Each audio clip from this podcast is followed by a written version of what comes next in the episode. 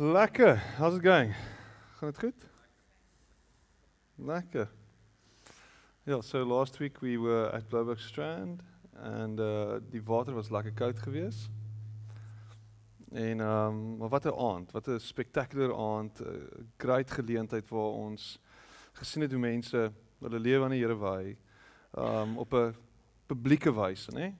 Um you know, giving your life to, to God, handing your life over to, to Jesus, uh, accepting Him as your personal Lord and Savior. Um, there's something there's something personal about that. But when, when you get baptized, it's a, it's a public proclamation. It's, it's making a public statement. It's saying, you know what? I am part of this whole thing. And at the same time, I'm identifying with the risen Lord because I'm, I'm part of this process. I'm being buried with him. Paul says it so beautifully in Romans 6. I'm buried with him, and now I'm raised with him, raised to a new life with him. And that's what's, that's what's so profound about baptism. And uh, I've decided, since we have water restrictions, the next baptism service will also be outside of the venue. So we won't be filling up the baptismal pool very soon, um, unless we, we're having a pool party or something like that. But yeah, for baptisms, baptism purposes, we'll be doing it somewhere in a, maybe in a, in a, in a, in a, in a mountain pool or something next time. Something even, some, somewhere even colder than Blouberg Strand. And that's really what we're going to do, and I'll be wearing my wetsuit once again, and the rest of the guys can suffer and really remember that moment where the cold water consumes them. Heavenly Father, thank you for being with us. Thank you that you're not somewhere far away. Thank you that you're not somewhere on a, on a different planet looking down on us like Bette Midler sang. God is not watching us from a distance. You're with us. Emmanuel, God with us. We are in your presence. You are here. And wherever we go, there we'll find you. Because you are always with us. Through your Spirit, you are with us. And I thank you for that, Lord. Thank you for that promise that you'll never leave us, that you'll never forsake us, that you'll never walk away from us.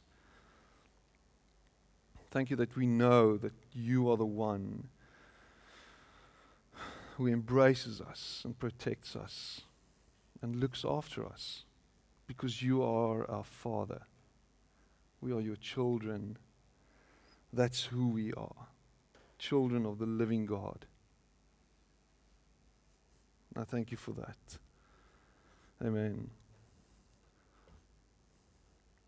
So, what, what, what strikes me is that we serve a God who is not only the creator of the universe and everything in it, and, and, and at the same time, an expanding universe, because what they've discovered is that this universe that was created somewhere long, long ago, some time long ago, is still expanding, is still growing. That just blows my mind. But that this God, this one who made everything, that he is interested in us. Okay, I, I, I can't get over that. That the one who made everything, that one, who's got the whole world in his hands, my six year old likes to sing. Got the whole world. And that psycho on Con Air, didn't he sing that as well? Did you see that movie Con Air? He also sang that. so, I mean, six year old psycho. But that he has got the whole world in his hands, and that that God, that God, is in a relationship with me, stretched out to me, came down for me. That, that blows me. It blows my mind. It just breaks me every time. And that God that knows everything about me, that God who, who, who is there where I'll be next week, the God who's already there, that God knows that I'll be often missing the mark, missing the point, that I'll often be falling down, that I'll be doubting Him. He, he's, he's already there. And still, He's interested in me. And it's not some narcissistic thing that I've got, you know, I'm so special and I'm so amazing. It's that God is so amazing and that He wants to be my Father. He is my Father, but He wants to be that. He wants me to claim that. Claim Him as my Father. He wants me to claim my rightful place as His child. He wants me to get into that flow of knowing who I am. Who am I? Who are you? And are you here by chance? Is everything incidental? It's just purely by chance that you are here. Not here, but here. You were given this life as a, as a present, as a sort of a, as a gift. Here you are. This is it. I've decided that you must be here. It just, it consumes me. I can't get over it. And He loves me. He loves you.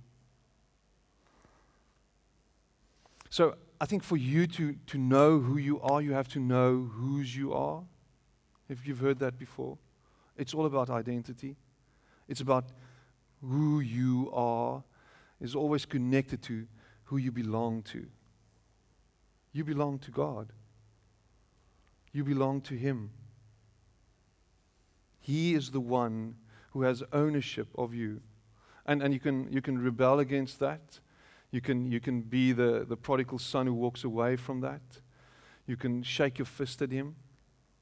But He is the one who owns you. He paid a huge price for you. In Jesus Christ, He laid down His life for you. He bought you. He paid a ransom for you. Love that. Paid a ransom. I got this picture in my head of that movie. and God paid that price for me. He owns me.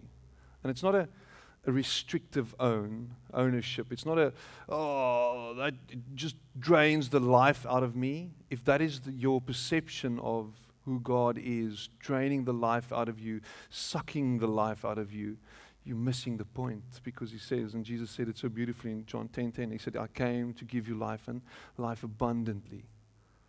So in him, there is life. With him, there is suddenly there's, there's, oh my goodness, this all makes sense. This world has purpose. There is, there is, there is a sense of belonging, a sense of this is why I'm here, because of Him. So in this week, I, like I said this morning, I attended a funeral, but more still, I, I spoke at a funeral. I was asked to officiate at a funeral of friends of mine. And incidentally, these friends of mine, they don't believe at all. Okay? Everything is incidental, by accident.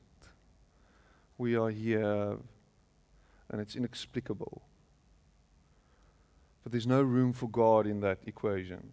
So we are here and it's all just randomness. But they asked me to officiate at the funeral for her mother, who died and who passed away recently. Apparently, and I've never met her, she believed, and that's why they asked me. And, you know, being in relationship with him, I asked, so what do you want me to say? You know, just as as someone who wants to take them and take their feelings into account. I don't want to offend you. And they said, You know what? Just do your thing.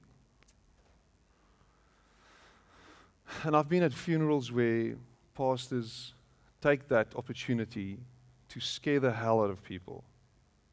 Okay? Because Someone's died, and this is an opportunity to share the gospel, but the gospel not from a point of love and acceptance and grace, but a place of you know eternal burn. This is this is it.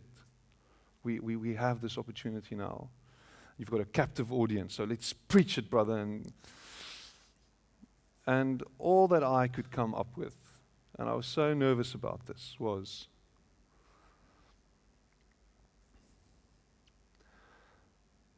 was the love of God and the acceptance of God and the grace of God.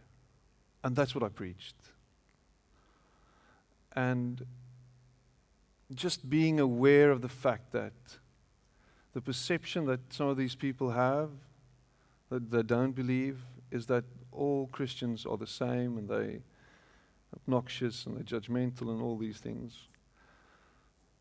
And that Jesus is only concerned about your soul and uh, going to heaven and not hell and so and, and and at the end of the day what Jesus came to model and what Jesus came to show us was not how to die. He showed us like that song from Audioslave show us how to live. He showed us how to live. He came and he showed us this is the way. I am the way the truth and the life it's not someday, it's right now. How do I live now? And I invite you into this because I'm your eldest brother, says Jesus. I invite you into this. Love, forgive, speak life. And at the end of the service, she came to me and she said, You know what? You almost converted me. And I loved that because God isn't finished with them. I'm so excited about that. But so Jesus started his ministry, and you'll read that in, in Matthew 3. His ministry starts the moment after he is told by the Father who he is. You, you know that moment? You know that where that moment is? When was that? When he was? When he was baptized. Jesus got baptized. Not like in Nacho Libre. I'm, I'm just quoting movies tonight. I don't know why. These movies just come, they just keep coming back to me. You know, you're baptized. No, it was a, it was a John the Baptist walked up to him and said, you know, you've got to baptize me. I, I can't be baptized. You can't, I can't baptize you. And Jesus says, baptize me. And he baptized him. And when he comes out of the water, the Father speaks and says, This is my beloved Son in whom I am well pleased. Profound words. And this, it just once again opens up a whole can of worms for us because this, this places a whole lot of emphasis on who Jesus was in God's eyes. In the Father's eyes, he was loved, he was good enough, even though he hasn't done anything yet up to that point. No miracles, no profoundness, no, nothing was done by him. His ministry hasn't started yet. And the Father speaks and says, This is my beloved Son, in whom I am well pleased. Some of the biggest problems in this world is caused because of a fatherless, res, uh, fatherless generation people don't know who their fathers are. I don't know if you know that. If you'll speak to many people who are in jail, they'll tell you that they don't have a father. Some of them, most of them don't even know who their father is. It's, it's, it's, it's a, it's a, it's a, it's a epidemic. It's fatherless children growing up, not knowing who they are, being consumed by all these voices telling them who they are, speaking to them and trying to sort of mislead them and get them to follow these new rules that they lay down. And they find identity in that. Because, and, and Seth Godin says this in his book Tribes, he says that we are shaped, our identities are shaped not by just this inherent sense of who we are and who we think we are. It's shaped by the people that are around us, the people that we surround ourselves with. That shapes our identity. So why do some stupid people support the Blue Bulls? I mean, they were. did I say that loud? Sorry. Why do some people support the Blue Bulls? Why do you support the Stormers? Because someone modeled what it looks like to support the Stormers. I, I was modeled this way, way back when, when I was little. Uh, a guy by the name of Karel du Plessis, you know him? Prince van Vleuels, the left wing, one of the best wings that ever, ever played the game. And my dad was infatuated by this guy. And he said, Look at him, look at him, look at him, look at him move, look at him run, look at him pass, look at him, just the angles he runs. And, and I was sort of, wow, look at my dad, he's so excited about this. I, I need to support this guy. and I was sucked into this. And for, if for some silly reason he supported the Blue Bulls from a young age, I would have probably been a Naas Botha fan or something. But I'm not, not at all. Because he showed me. And that sort of shapes who we are. Someone shows us how to live. And it could be either good or bad. And what's so amazing about this is that the Father shows us how it works. This is my son. And I know for a fact, as a father myself, that the way I look at my kids, I just look at them. They're six and three, and they've, they haven't done anything for me yet. I mean, other than break my things and destroy the garden and scratch my car and do crazy things. They, haven't done, and, and obviously, yeah, you know, sketched some amazing art. Like, this is me. This is me. Apparently, this is me. I mean, I don't have to show you anything, but I mean, this is that's what it looks like. It's sort of, and, and they give me these little things and these offers, and and I, but I am pleased with them. I am, I am.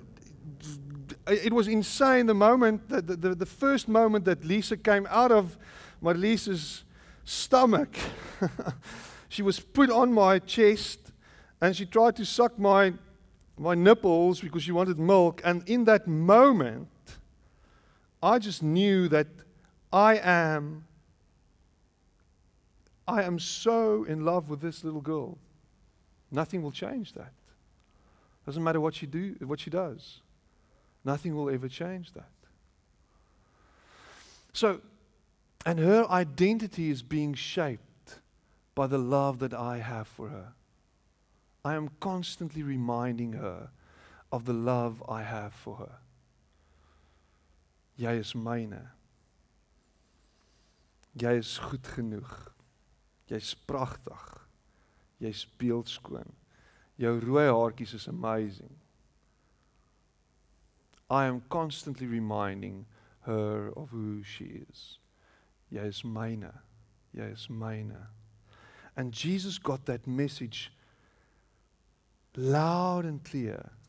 And if the, the gospel, the author of the gospel writes this the, the way he writes, you can hear that everybody heard that. He was acknowledged in front of a crowd. I remember vividly, and my dad reminds me of that every now and then, when we used to be uh, at school and uh, we did some athletics, and you might know my story. Um, but there was this one instance where uh, I ran and I beat this this other guy that that was one of my stiffest competition. And as I ran into my dad's arms afterward, running a brilliant time and stuff, he looked over my shoulder and he saw my opponent beaten, downtrodden, sort of, walking towards his dad. And as he came up to him, his dad turned away and walked away. It is, it is probably the most heartbreaking picture I've got in my head because I know the guy and I can see this just playing out. Not acknowledging him in that moment, acknowledging the, fa- the fact that he's hurt and that his heart is possibly broken. He put everything in, but it wasn't good enough. And instead of embracing him, just walking away from him. Just telling him he is not good enough. And that is something that God never does to us. He'll never walk away from you. The fact that you don't have vrymoedigheid, just give me that word in English. I'm struggling with that. What's vrymoedigheid? Come, come. Come, give me that word. Vrymoedigheid.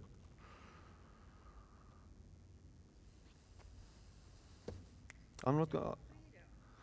Yeah. Yeah, confidence, vrymoedigheid. Let's do a Google Translate.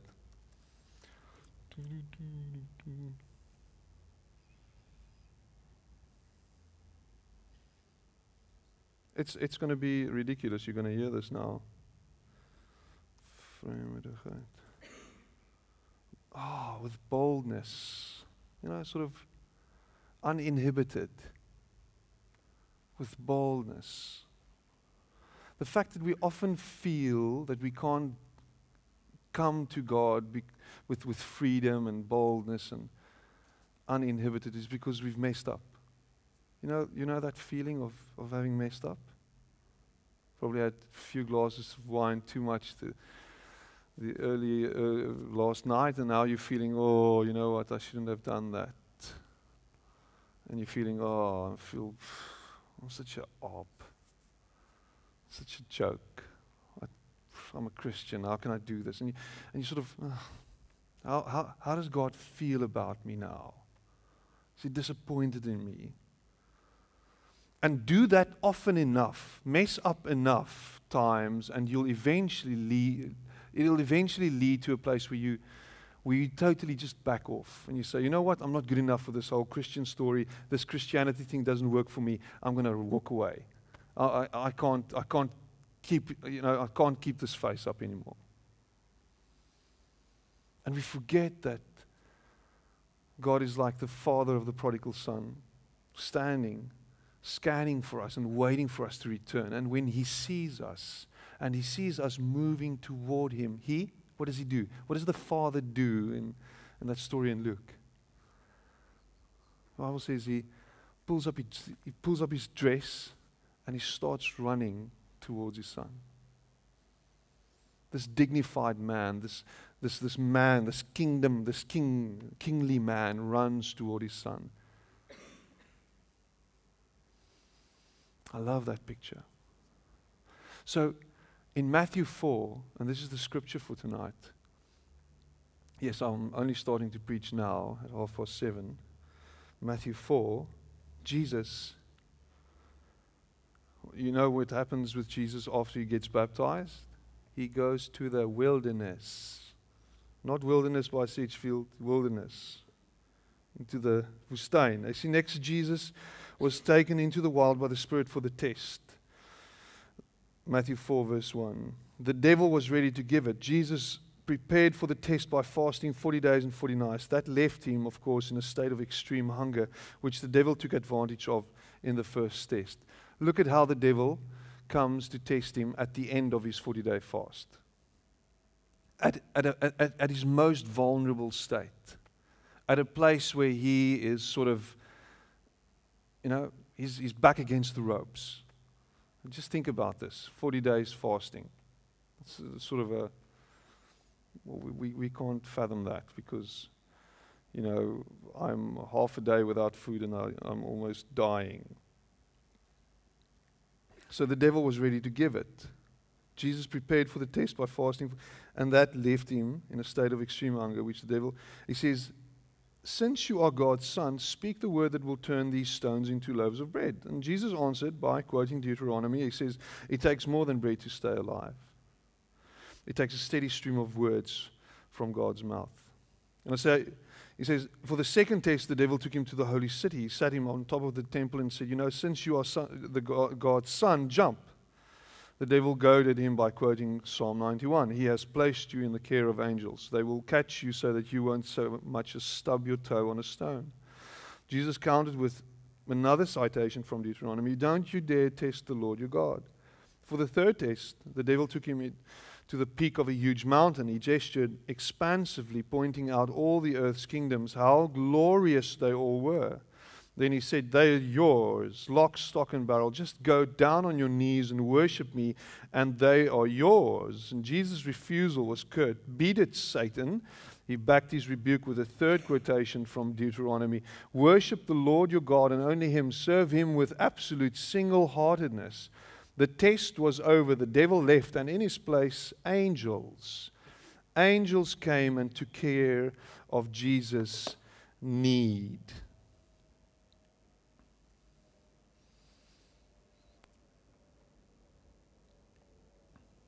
Jesus encounters temptation. And what the devil does he tries to get and tries to persuade Jesus of doubting his position, of doubting who he was. And he did that by saying, you know, let God Himself prove to you who you are and who He is. Doubting who you are and who He is. And, and I wonder if, if Jesus didn't know who He was, if He would have stepped into that trap. I'm sure He would have. And that's what happens to us every single day. You are reminded by lots and lots of voices trying to persuade you of the fact that you are not who you think you are. You are not so special as you would have thought. You are not made in God's image. You are just something consisting of cells, billions of cells, and by accident, you are aware. And by accident, everything just happened to be what it is today. And by accident, you sit here and you doubt. It's just all one big accident. You know what? Listen to this. Baptism reminds you of who you are. Baptism brings you into a place where you are reminded that you are part of a community, that you are part of a family, that you are part of something bigger. And, and, and some of the Reformed churches, they do that, and the, and the Catholics and the Anglicans, they do that at a very young age. They say, You are part of this, part of this bigger picture. We baptize you, and your parents should remind you of who you are. And I often wonder if, the, if, if, if parents in those traditions are actually doing a very good job. It's just a beautiful, beautiful idea, but, but is it really happening? When you get baptized, you are making a statement and you are reminded of the fact that you are part of something bigger.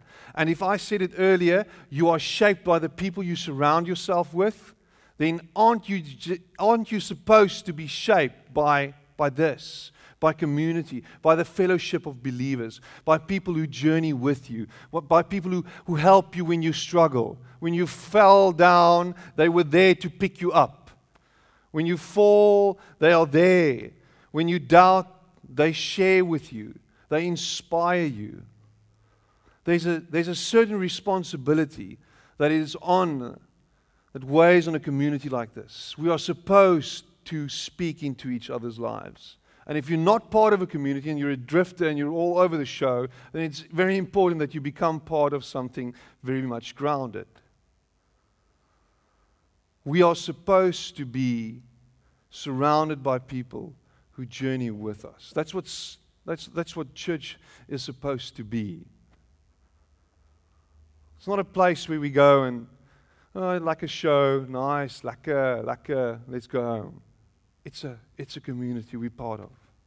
And if you're struggling, then take up your phone, pick it up, and phone someone, and SMS someone, or WhatsApp. And say, you know what, I'm struggling, help me. I'm part of this community. Speaking to my life and remind me of who I am. Adam and Eve, the same story. Adam and Eve, right at the beginning, the devil came to, to, to them and he tried to undermine the relationship of trust between God and God's children. And he said the following He said, Did God really say? Did, did God really say? Are, are you sure about that? Just think about that for a moment. That doubt creeps in. Are you really who you think you are? Is that, is that, is that really who you are? Did the serpent ask, Did you, did God really say? And, and then he says, You will not die. That's a lie.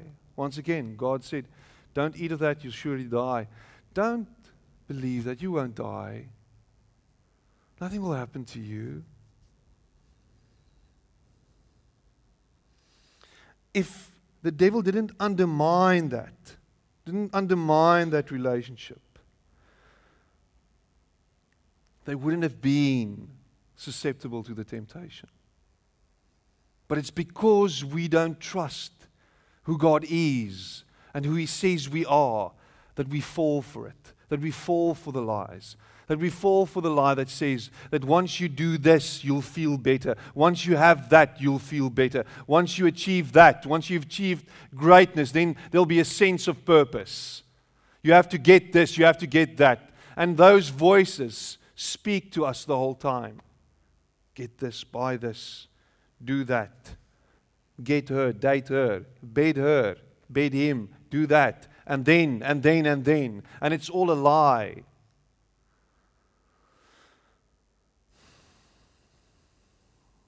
So then they eat the forbidden fruit.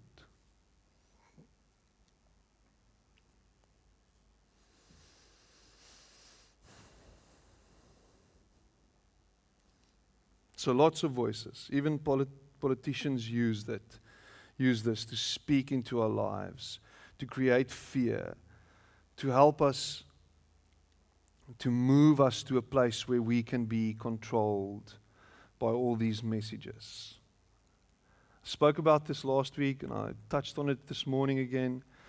A Christian will never be and must never be motivated by fear. Doesn't matter who the spiritual leader is, if his way of motivating you is to use fear, alluding to stuff happening in our world, and using that to control you or getting you to, to move or do things, then we are missing the point. Jesus invites us, always invites us from a point of love. It's always embracing us. It's never instilling fear in us. Oh, you know what, Zacchaeus? You're going to die soon. So I want to come eat at your house. So get yourself ready. He didn't do that. Sort of, he embraced Zacchaeus for who he was look up at the, looked up at the tree and says, You know what? Come down from there because tonight I want to eat at your house. Invites him, invites the lowly people, the fringe people, the people on the fringes. He brings them in and he says, You know what? I want to be in relationship with you. So, no matter how much we think that fear is a motivating factor, that's not the way of God. It's always love.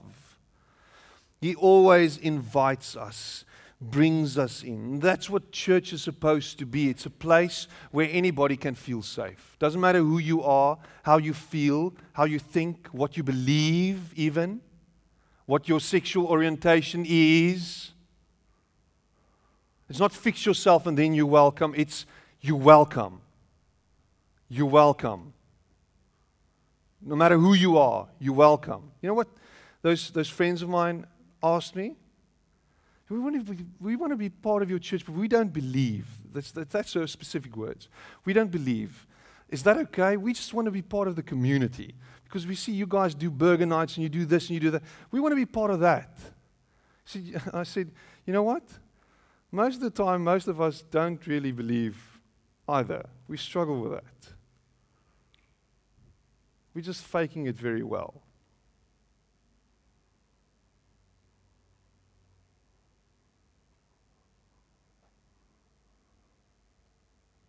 And we invite and we become part of and we journey together. And when I fall, you are there to help me up. And when you fall, I am there to help you up. We are there to encourage each other. We are there to love each other. We are there to embrace each other. All the time reminding each other of who we are in Christ. That Christ paid the price and that He gave Himself for us so that we can live. At the same time, not just dying, but conquering death. So that death will never have the last say. You are so loved. You are His beloved child. He is our Father. And He made this known publicly by coming down and being among us. Love moved into the neighborhood. And now He's inviting you on this journey to speak to everyone you meet and tell them of this new hope, this new life, this new way of living, where you can be free of fear, where you can be free of judgment, where you can be fee- free of all these voices speaking into your life and saying who you are, because you are God's son and you are God's daughter, and that is who you are, because He is our Father.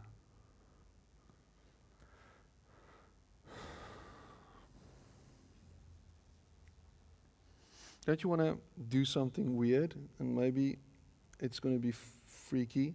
But don't you want to turn to someone and just look them in the eye and say, You're special, and I'm glad you're here? Just look, look at someone and just saying, just say that. You're special, Captain America. You're special. And I'm glad you're here.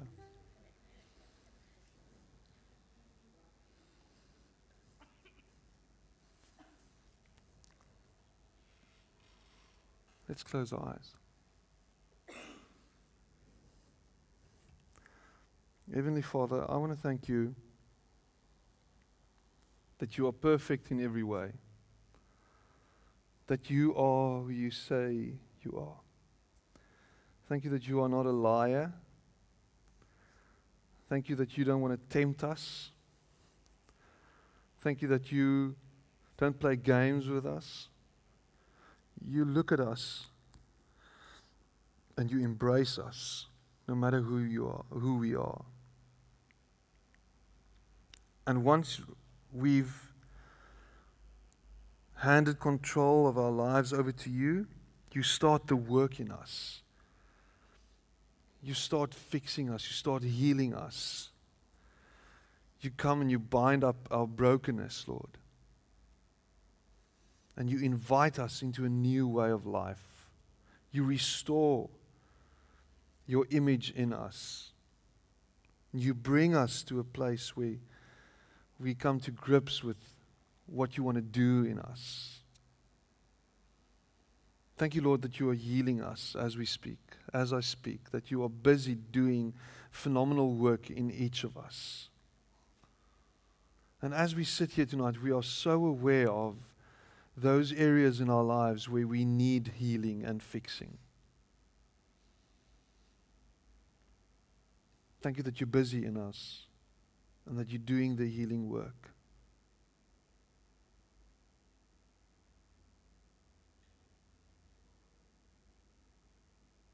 Thank you that you'll never leave us, that you'll never walk away.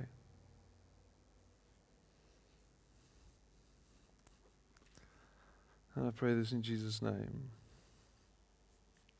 Amen.